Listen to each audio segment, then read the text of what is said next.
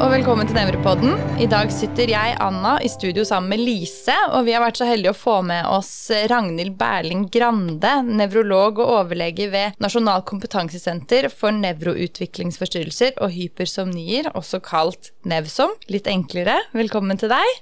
Og i dag så skal vi snakke om et tema som jeg kan veldig lite om. Det er noe som jeg sjelden kommer borti som nevrologi i hvert fall på vakt og sengepost, av og til på poliklinikken, nemlig narkolepsi. Ja, det er ikke noe jeg har sett så mye av heller, eller kanskje jeg har sett det og ikke skjønt at det var det det var. Så det blir spennende å lære mer om. Mm -hmm. Så gjerne start å fortelle oss litt, Ragnhild, om hva, hva er narkolepsi? Ja, takk for introduksjonen. Narkolepsi det er en litt uh, underlig, rar hjernesykdom. Uh, og det er en sykdom som rammer søvn- og våkenhetssystemet. Og det er en såkalt uh, I utlandet så kaller man det en sleep-wake disorder, denne gruppen av sykdommer. Så det er på en måte Hvis vi kaller det en søvnsykdom, så blir det kanskje ofte litt bagatellisert, men det er altså en hjernesykdom i søvn-våkenhetssystemet. Og det er sånn at våkenheten ikke fungerer normalt, og så er det sånn at søvnen ikke fungerer normalt. Og så er REM-søvnsystemet fungerer heller ikke normalt. Og det gir mange rare symptomer som kan ligne på andre symptomer, og som kan være vanskelig å skille fra, fra ting som ikke er sykdom. Hva skyldes narkolepsi? Narkolepsi skyldes i de aller, aller fleste tilfeller en dysfunksjon eller mangel på eh, nevropeptidet hypokretin, som også kalles oreksin. Det er et nevropeptid som dannes i hypotalamus. Så narkolepsi er en hypotalamussykdom, rett og slett. Hypokretinet kan man måle med spinalpunksjon, og man kan diagnostisere narkolepsi helt sikkert ved å finne lavt hypokretin i spinalvæsken. Hva gjør hypokretin? Hva er funksjonen til nevropeptidet? Hypokretin har mange funksjoner. Jeg vet ikke om jeg klarer å ramse opp eh, alle her sånn på stående fot, men eh, en, en hovedoppgave er å være en slags stabilisator for søvnen og en stabilisator for våkenheten. Så man kan tenke seg eh, at hvis søvn og våkenhet er en lysbryter som er av eller på, så vil hypokretinet holde lysbryteren på når lyset skal være på når man skal være våken. Og så holder hypokretinet også lysbryteren av, slik at det er mørkt og man sover når, er, når, man skal sove. Så kan man tenke seg et lysstoffrør eller en lysbryter som er ustabil, slik at det, at det vakler og blafrer, og sånn kan man tenke seg at mangelfullt hypokretin, eller et hypokretin som ikke fungerer normalt, vil skape en, en slags sånn ustabil vippebryter med søvn og våkenhet, hvor søvnen og våkenheten er oppstykket og fragmentert og ustabil. Slik at pasienter med narkolepsi, hva slags plager er det de kommer med da? De forteller nok eh, litt ulikt om plagene sine. De, mange forteller at de er slitne når de egentlig er søvnige. Men i Norge så sier vi ikke så ofte at vi er søvnige, vi sier ofte at vi er trøtte. Men i andre land, så sier man, eller engelsktalende land, så sier man at man er sleepy, kanskje. Så mange sier at de er slitne, at de må sove mye, eller at de sovner overalt på unormale tider og steder.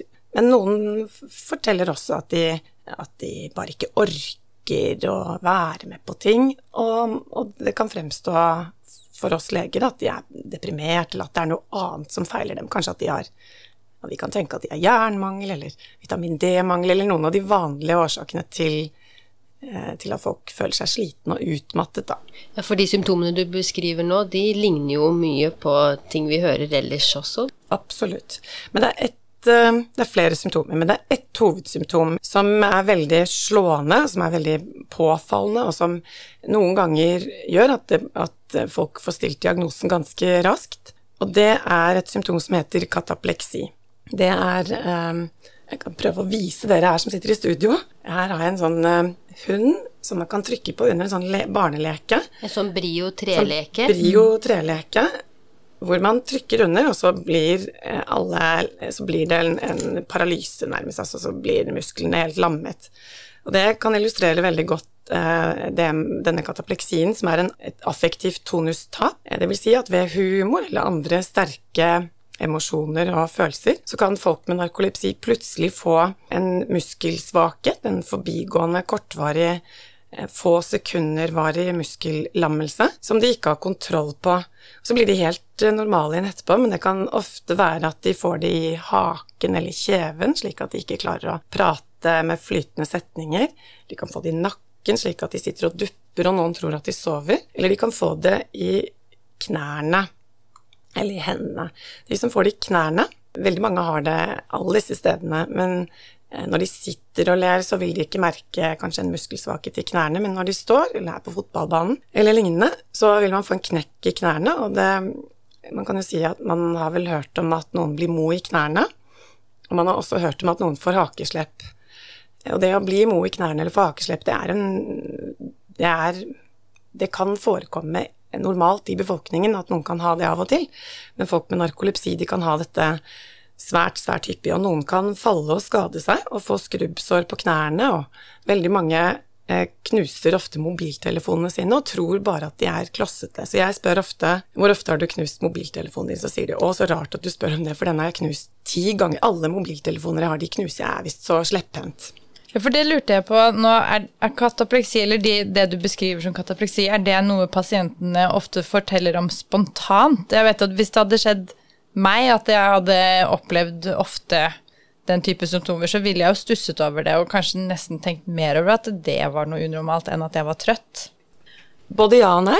Narkolepsi debuterer oftest i ungdomsalder, eh, og litt avhengig av eh, når i ungdomsalderen det debuterer. Altså hvis det kommer tidlig ungdomsalder, da, eller som barn, så vil det være veldig påfallende når et barn ikke orker å Et barn på ti år f.eks. ikke orker å være med i, gymmen, eller ikke orker å spille fotballkamp hvis de vanligvis gjør det. Og, og barn i barneskolen vil jo ofte være omgitt av voksne veldig store deler av dagen og bli observert på alle bauger og kanter. Slik at eh, katapleksi, som er veldig eh, voldsom, hvor man faller og slår seg, eller unngår å gjøre ting eller mister ting, det vil nok bli fanget opp, og noen vil synes at det er rart.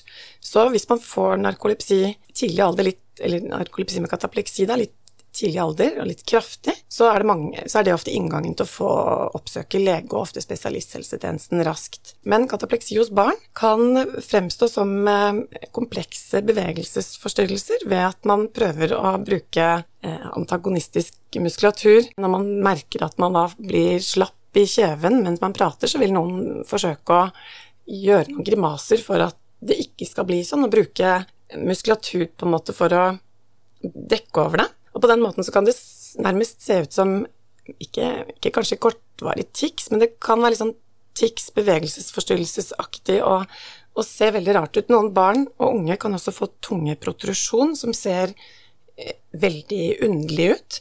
Mest en spontan tungeprotrusjon, og det vil de sjelden fortelle legen om. For noen har hatt disse symptomene da kanskje en viss tid, før de kommer til legen, og har på en måte vent seg til å leve med det. Og hvis man får det som barn, så kan vel noen tenke at de bare er litt klossete.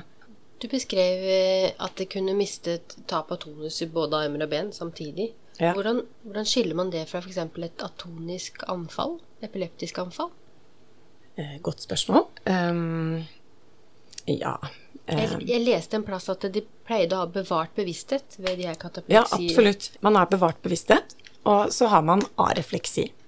Så hvis man, blir, hvis man får eh, gjort refleksundersøkelse av en pasient som har et pågående katapleksianfall, f.eks. status kataplektikus, dvs. Si et katapleksianfall som varer veldig, veldig lenge, mange, mange minutter, mange, en halvtime kanskje, så vil de ha arefleksi. Men man det er sjelden at man på legekontoret ser eh, et katapleksianfall. Det er sjelden man også ser pasienten, eller rekker å få undersøkt mens de har det. Så det er anamnestisk at man må høre om det blir trigget av noe, hvilke situasjoner det kommer i. Mange får det mer når de er trøtte, men det er jo ikke et søvnighetssymptom. Det er man tenker at dette symptomet har å gjøre med rem-søvn-atoni-mekanismene i hjernen, fordi rem-søvnen er også forstyrret ved narkolepsi at rem-søvn inntreffer på forskjellige tidspunkt. Men altså katapleksi skjer i full lys våkenhet, og er ikke koblet til at man starter å sove eller avslutter å sove. Det er på en måte noe som skjer på høylys dag. Men man tenker at det, er noe galt med denne tonusen inni hjernestammen et sted. Har alle katapleksi? Nei, alle har ikke katapleksi. Men det er ganske mange som har katapleksi. Det fins narkolepsi type 1, og det fins narkolepsi type 2. Aller vanligste formen er narkolepsi med katapleksi, som er G47.4 i ICD-10. Det er narkolepsi type 1, kaller vi det. Det er de som har lavt hypokretin i spinalvæsken. Og så finnes det også noen som har katapleksi, men ikke har lavt eh, hypokretin. Og så finnes det noen som har narkolepsi type 2, som har mange av de samme diagnostiske kriteriene, men ikke akkurat denne katapleksien, og ikke lavt hypokretin, hvis man har målt det. Ja. Så hvis det kommer en pasient som sier at eh, jeg er veldig trøtt, jeg sovner mye på dagtid, eh, men du klarer ikke å få fram noe, noe som minner om katapleksi i sykehistorien, er det noe annet som man da kan spørre pasienten om som kan tyde mer i retning på at det er Eller hvilke andre symptomer er det man kan ha ved narkolepsi? Ja, til det første spørsmålet først. Eh, når noen kommer og er veldig slitne og søvnige og trøtte, så er det vanligste årsaken til ekstrem søvnighet er mangel på søvn. God, gammeldags mangel på søvn. Sånn at på poliklinikken så vil det jo kunne komme mange pasienter som er slitne og trøtte, og de kan de har nok oftest andre altså Enten mangel på søvn, et eller annet med døgnrytmen, andre typer søvnsykdommer, søvnapné, det kan være rastløse bein som forstyrrer søvnen, eller periodiske benbevegelser, parasomnier, nattlig epilepsi. Det er veldig, veldig mange andre ting som er mye vanligere årsaker til å være ekstremt søvnig på dagtid. Men hvis folk oppsøker lege og kommer seg helt til spesialisthelsetjenesten, så er det vel fordi at noen har oppfattet det som nokså ekstremt, at det er påfallende og uvanlig. Og da er det andre symptomer man kan spørre om. De fem kjernesymptomene ved narkolepsi, det er stor søvnighet, som kan være søvnanfall, uimotståelig søvntrang, at man må kjempe seg våken, duppa overalt og så videre. Så er det denne katapleksien. Men det er også noe vi kaller for søvnrelaterte fenomener, altså at man får rem-søvnfenomener. Rem-søvnrelaterte fenomener er det vel vi kaller det. Og det er hypnagoge hallusinasjoner, eller søvnrelaterte hallusinasjoner. Hypnagog betyr Når man sovner inn, og hypnapomp når man våkner opp. Idet man sovner inn, eller idet man våkner opp, så har man hallusinasjoner. Det vil si at drømmene blir med inn i våkenheten, eller er der samtidig som hjernen på en måte er våken, men søvnen er veldig kort vei unna, og det er ikke vanlig. Ved vanlig søvn så er det sånn at vi begynner ikke å drømme før det har gått ca. 90 eh, minutter. En time til 90 minutter. Eh, da begynner vi oftest å drømme, så rem-søvnen ligger ofte sånn godt inni nattesøvnen og veldig mye på morgenkvisten. Så det å drømme idet man våkner på morgenkvisten når man har sovet litt for lite og sover ut i helgen, det er ikke så unormalt. Men det å ha det til stadighet, og det å ha det som et skremmende fenomen, og det å alltid ha det selv om man sover nok, det er på en måte et, et tegn. Og så har du noe som heter søvnparalyse, og hvis disse drømmene eller disse hallusinasjonene, som ikke alltid bare er vanlige drømmer, de kan være ekstremt fryktinngytende, marerittlignende eh, drømmeinnhold. Hvis de kommer samtidig med en søvnparalyse, som det er vanlig at vi har når vi har rem-søvn, og man samtidig har en hjerne som er våken, på vei inn i våkenhet eller på vei inn i søvn, så vil en våken hjerne da oppfatte at man har skrekkelige mareritt, samtidig som kroppen er lammet og man ikke kan flykte fra marerittet. Så mange forteller at de har mareritt eller drømmer. De forteller ikke at de har hallusinasjoner, for de vet ikke hva det er. Så de aller, aller fleste, selv om man spør og spør og spør og spør om det, alt man vet om hallusinasjoner eller tenker skal passe med hallusinasjoner, så kan det hende at man ikke får noe nærmere svar enn at de har skrekkelige mareritt som er virkelighetsnære. At det virker veldig livlige drømmer eller virkelighetsnære mareritt som er skrekkelige. Altså, De vil jo da, slik jeg forstår det, kunne få dette på dagtid også, i og med at de er veldig søvnige og kan sovne på dagtid. Ja. Hvordan skiller du det da fra en psykose? Veldig godt spørsmål. Et veldig godt spørsmål. Noen av disse pasientene havner i psykiatrien før de kommer til nevrologen og blir spinalpunktert og finner lavt hypokretin. Så vi har, jeg har sett flere eksempler på pasienter som har um, vært i psykiatrien og fått uh, psykosediagnose først. Og så har, har kanskje ikke de antipsykotiske medikamentene virket. Så har prøvd det ene etter det andre, og så skjønner man ikke. Og så har det vært nevrologisk tilsyn, og så har man funnet mistanke og funnet, uh, funnet narkolepsi, da. Så kan man si er det da kan man ha komorbid psykose og narkolepsi? Det kan man jo selvfølgelig. Man kan ha komorbid alle mulige sykdommer. Men hvis uh, symptomene er knyttet til, til, søvn, og det kan man jo da finne ut av ved å snakke med pasienten eller eh, overvåke pasienten kanskje med søvnutstyr. Det kan man finne ut av. Eller når søvnigheten blir borte, så blir også symptomene kanskje borte da hvis man medisinerer. Mm. Mm. Du nevnte at det var fem symptomer, hovedsymptomer. Er det ett vi ja, mangler, da? Det er riktig. Det er den forstyrrede nattesøvnen. Narkolepsi er en 24-timers sykdom, dvs. Si at våkenheten er forstyrret på dagtid, og søvnen er forstyrret på natten. Så søvnen på natten, den følger ikke det vanlige eh, søvnmønsteret, hvor man har eh, liksom, definerte søvnsykluser der man går liksom inn i lett søvn, dypere, dypere, og så ned i dyp søvn, og så opp igjen i rem-søvn, og så går, så går natten i en fem vanligvis fem søvnsykluser. Ved narkolepsi så er søvnen fragmentert, og dette måler vi ved polysomnografi, eller PSG. Og der ser man at eh, narkolepsipasienter har en masse mikrooppvåkninger som de kanskje ikke husker selv. Så rent anamnestisk så er det vanskelig å spørre pasienten om oppvåkninger på natten på poliklinikken og få et riktig svar. Det er ikke vanskelig å spørre om det, for mange sier at, eh, at de har helt forferdelig nattesøvn. De står opp, spiser, de får ikke sove igjen, de vet selv at de har fryktelig fragmentert nattesøvn og, og, er plaget av det. Så er det mange som sier at nei, jeg har god nattesøvn. Men det har de ofte ikke når vi måler det på polysomnografi. Og mange våkner altså ikke uthvilt om morgenen etter en vanlig lengdes nattesøvn. Altså etter åtte timers nattesøvn, eller ni timers nattesøvn, så vil mange med narkolepsi si at de ikke våkner uthvilt. Eller noen kan våkne uthvilt, men så er de jammen meg trøtte i første time på skolen, eh, til tross for at de har levd sunt og helt normalt. Og det er veldig, veldig påfallende, det at man sovner da ved skolebenken eller sånn, på bussen overalt. Og, ja. Så for å oppsummere, da, så er det ustabil våkenhet, ustabil søvn, noen har katapleksi, hypnagoge hallusinasjoner og søvnparalyse. Ja. Kjernesymptomer, kan man si, eh, som ofte bringer folk til lege, er stor søvnighet på dagtid. Altså ekstrem søvnighet på dagtid. Og det er at man sovner overalt på tider og steder hvor det er unormalt, og særlig i monotone situasjoner, at folk nesten ikke klarer å holde seg våkne i monotone situasjoner, eh, men blir sittende kanskje og prøve å kjempe mot men hva gjør vi hvis vi mistenker at noen kan ha narkolepsi? Nå, nevnte, nå har vi vært inne på at de har lav typokritin i spinalvæsken, og vi gjør jo gjerne da en PSG eller polysomnografi.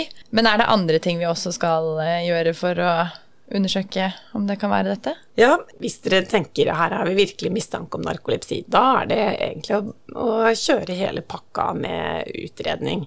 Da kan man tenke seg at man først eh, har Kanskje hvis man er i tvil om det er søvnmangel, så innhenter man komparentopplysninger. Man eh, spør litt om de er A- eller B-mennesker, sjekker om, måte, om døgnrytmetypen er noenlunde normal. Og man kan hende man ber folk fylle ut en søvndagbok. Ofte kommer de med ferdig utfylt søvndagbok hvis de er kommer til poliklinikken hos oss, da. Sånn at eh, en sånn liten screening på om det foreligger noe annet drivruskende galt som er helt åpenbart, er det lurt å ta. Men hvis man så lurer på om det er narkolepsi og tenker nå skal jeg utrede for narkolepsi, da er det å henvise til spinalpunksjon for å ta eh, måle lavt hypokretin i spinalvæsken. Da måler man også en blodprøve som analyseres ved hormonlab for å gjøre vevstypisering, eller HLA-typisering. Eh, og da er det eget, en egen HLA-type som er eh, vanlig ved narkolepsi, men som også er vanlig i den generelle befolkningen. Men ved narkolepsi så er det vanlig at, man, at, at 99% av de som har narkolepsi, har også dette HLA-genet, som disponerer for å kunne utvikle narkolepsi, slik at hvis HLA er negativt, så kan det fortsatt være narkolepsi, men da er mistanken kanskje litt lavere. Og så henviste man til klinisk nevrofysiologisk laboratorium for, PSG, for aktigrafi, PSG og MSLT, som betyr multiple søvnlatenstest, hvor eh, pasienten eh, på dagen, etter de på natten før har gjort eh, en søvntest på natten, en søvnregistrering. Da skal de legge seg ned og sove fire ganger med to timers mellomrom i et mørkt rom, i en seng. Det skal være helt stille.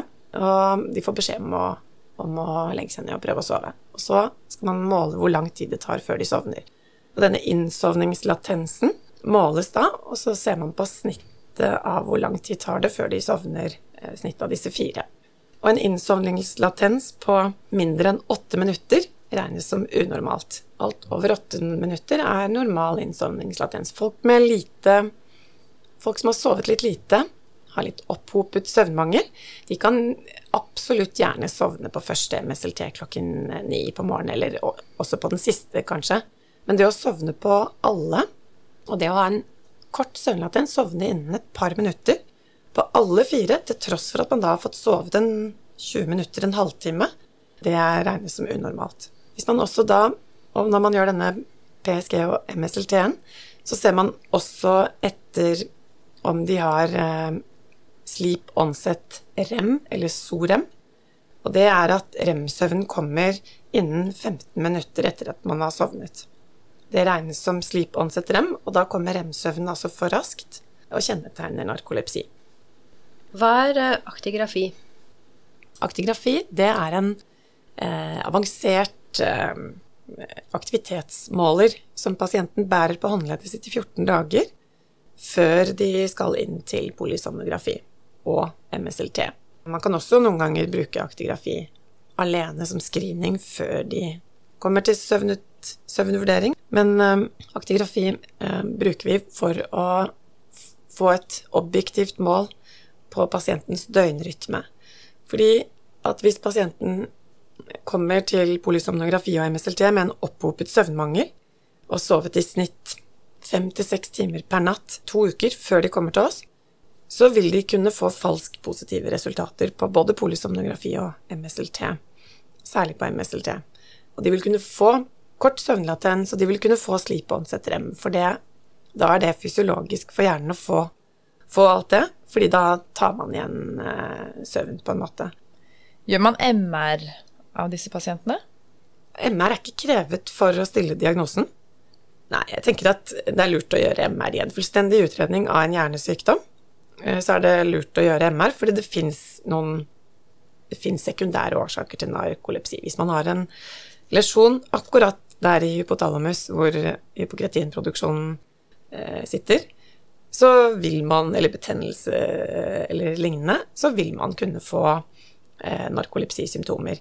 Det er ytterst sjelden man finner sekundær narkolepsi, men det fins. Fins lesjoner som gir dette.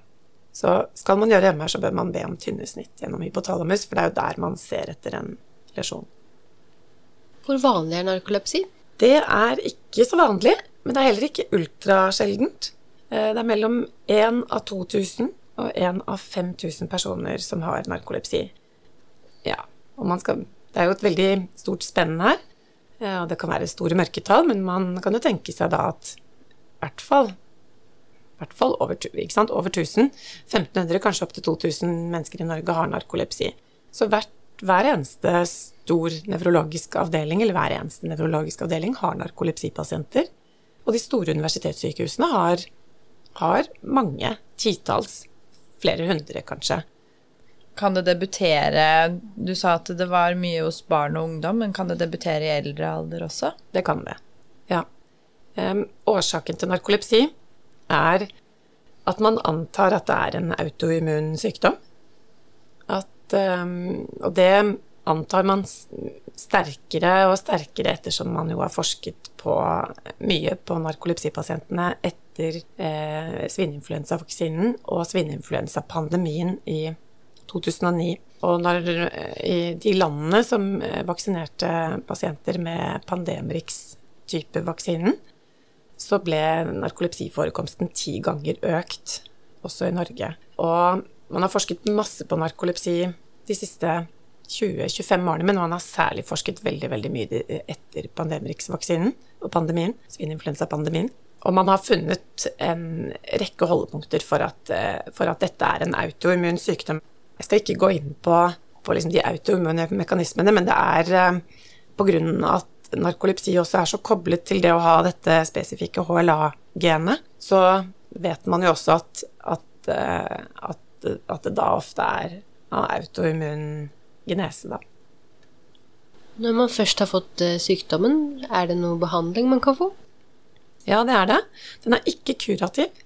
Man vanlig, men man blir vanligvis heller ikke sykere og sykere. Det er heller ikke en progressiv sykdom. Det er en sykdom som ofte er fulminant, kan man si, når den blir diagnostisert. Når den inntreffer, så tenker man at at de fleste nevronene eller hypokratiene er ødelagt. Det er skadet. Allikevel så kan man utvikle noen av symptomene litt etter hvert. Noen får katapleksi et par år etter de andre symptomene har debutert. Men, men, ja. Det fins mye bra behandling. Den er ikke kurativ, men den er symptomdempende. Men så fins det også og det er forskjellige medikamenter som jeg kan, gjerne kan si litt om. Men det, men det finnes en del ikke-medikamentell behandling som regnes som en helt sentral del av behandlingen av narkolepsi.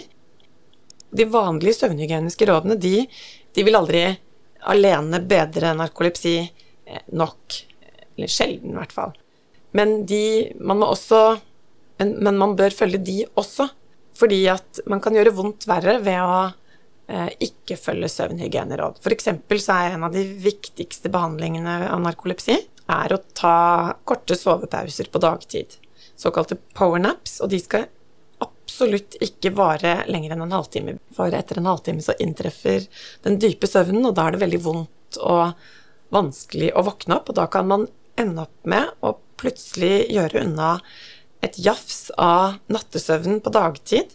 Og det igjen gjør vondt verre, slik at man fragmenterer nattesøvnen enda mer. Mange med narkolepsi sier imidlertid at de overhodet ikke klarer å ta korte powernaps. Når de først sovner, så er de så trøtte at de bare må sove. Det er ingen som klarer å vekke dem. Jeg sier at ja, men da må du sette alarmer, du må ha fæle alarmer, du må sette alarmer med fem minutters mellomrom, noen må vekke deg, kaldt vann i ansiktet. Du må bare opp og hoppe. Og noen sier ja, men jeg har prøvd, jeg får det ikke til. Så det å ta korte powernaps, det er nok noe eh, som de får til mye lettere når de først har fått ordentlig medikamentell behandling. Kan du si kort om de ulike medisintypene? Ja. det helt kort? Det fins medisiner eh, som er våkenstimulerende, kan man si. Sentralstimulerende, våkenstimulerende medisiner.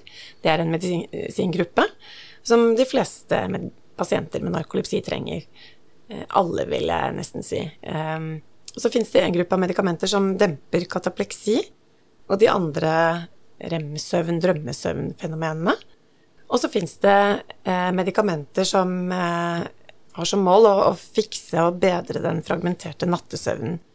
Så hvis man tenker at narkolepsi er en 24 timers sykdom, så må man tenke at medisinene skal, skal på en måte ha effekt gjennom 24 timer på de forskjellige symptomene som pasienten har i de 24 timene. Et eksempel på våkenstimulerende medisiner er modafinil, men som ikke alltid er kraftig nok, eh, slik at mange må over å bruke metylfenidat, som er Ritalin eller Concerta, som er kjente ADHD-medisiner. Og så fins Pitolisant, som er en narkolepsis litt mer spesifikk medikament som virker på histaminsystemet. Flere, noen blir ikke våkne nok av monoterapi. Veldig mange har behov for polyterapi eller kombinasjonsterapi. Mot katapleksi så virker Venlafaxin, som er et antidepressivt medikament, det virker fabelaktig. Katapleksi er det symptomet som det er lettest å behandle bort. Ja, man må ha mål i behandlingen at katapleksien eh, skal behandles så godt at den ikke lenger er til eh, sjenanse, at den ikke lenger hindrer folk i å le naturlig, at det ikke hindrer folk i å slå en vits eller, eller delta på sport eller aktiviteter. Allikevel så kan det jo være vanskelig hvis man ikke tåler høye doser. Nattbehandlingen eh, for den fragmenterte nattesøvnen, som alle med narkolepsi har, mer eller mindre, eh, er regnes som førstevalg for narkolepsi med alle disse symptomene i europeiske retningslinjer. Allikevel så er natriumoksybat, som det heter, det er GHB, og et kraftig narkotisk middel som ble utviklet som narkosemiddel. Og effekten er jo da at det sikrer god og dyp nattesøvn. Effekten av Syrem er kjempegod. Det er det medikamentet som har best dokumentert effekt på å endre livskvaliteten til pasienter mest. Fordi ved å få en dyp og god nattesøvn, så får man også en eh, mer eh, konsentrert våkenhet. Hjernen blir mer klar på dagtid, og man blir også mer våken. Allikevel så vil monoterapi, nattbehandling, ofte ikke være nok. De fleste trenger også våkenhetsbehandling på dagtid, fordi søvnigheten på dagtid skyldes jo ikke kun at de har en fragmentert nattesøvn, den skyldes jo at våkenhetsmotoren er forstyrret i seg selv. Dumt spørsmål kanskje, men eh, man kan ikke bare gi hypokretin som de mangler. Eller eh, hypokretin som ikke fungerer. Det skulle man ønske at man eh, kunne gi mennesker som mangler hypokretin, for det håper man jo da kanskje ville kurere narkolepsien. Det er mye forskning på dette, og det utvikles eh, medisiner. Eh, men foreløpig så kan man ikke gi hypokretin. Det finnes ingen hypokretinpreparater som man kan gi til mennesker med narkolepsi i dag. Men når man gir hypokretin til narkoleptiske mus, da blir de straks kvitt både søvnighet og katapleksi. Så det virker jo veldig bra å erstatte det, det stoffet som hjernen mangler. Så det er et håp for fremtiden, eller? Det er absolutt ja. et mm. håp for fremtiden. Det er jo under utprøving nå, og har, har vært, det har vært en del studier, men nå er det under utprøving eh, en, en hypokretinagonist i tablettform som man ikke vet resultatene av en fase to-studie. Mm. Og man håper på, på samme måte som man har sett ved andre nevrologiske sykdommer, at man får medikamenter som, som er mer presise, slik at man kan drive med ordentlig presisjonsmedisin. Jeg syns vi har fått en veldig bra oversikt. Ja, det syns jeg også. Det var veldig lærerikt. Tusen takk for at du kom og ville fortelle oss litt om eh, narkolepsi. Takk for i dag. Takk for i dag. Takk for meg.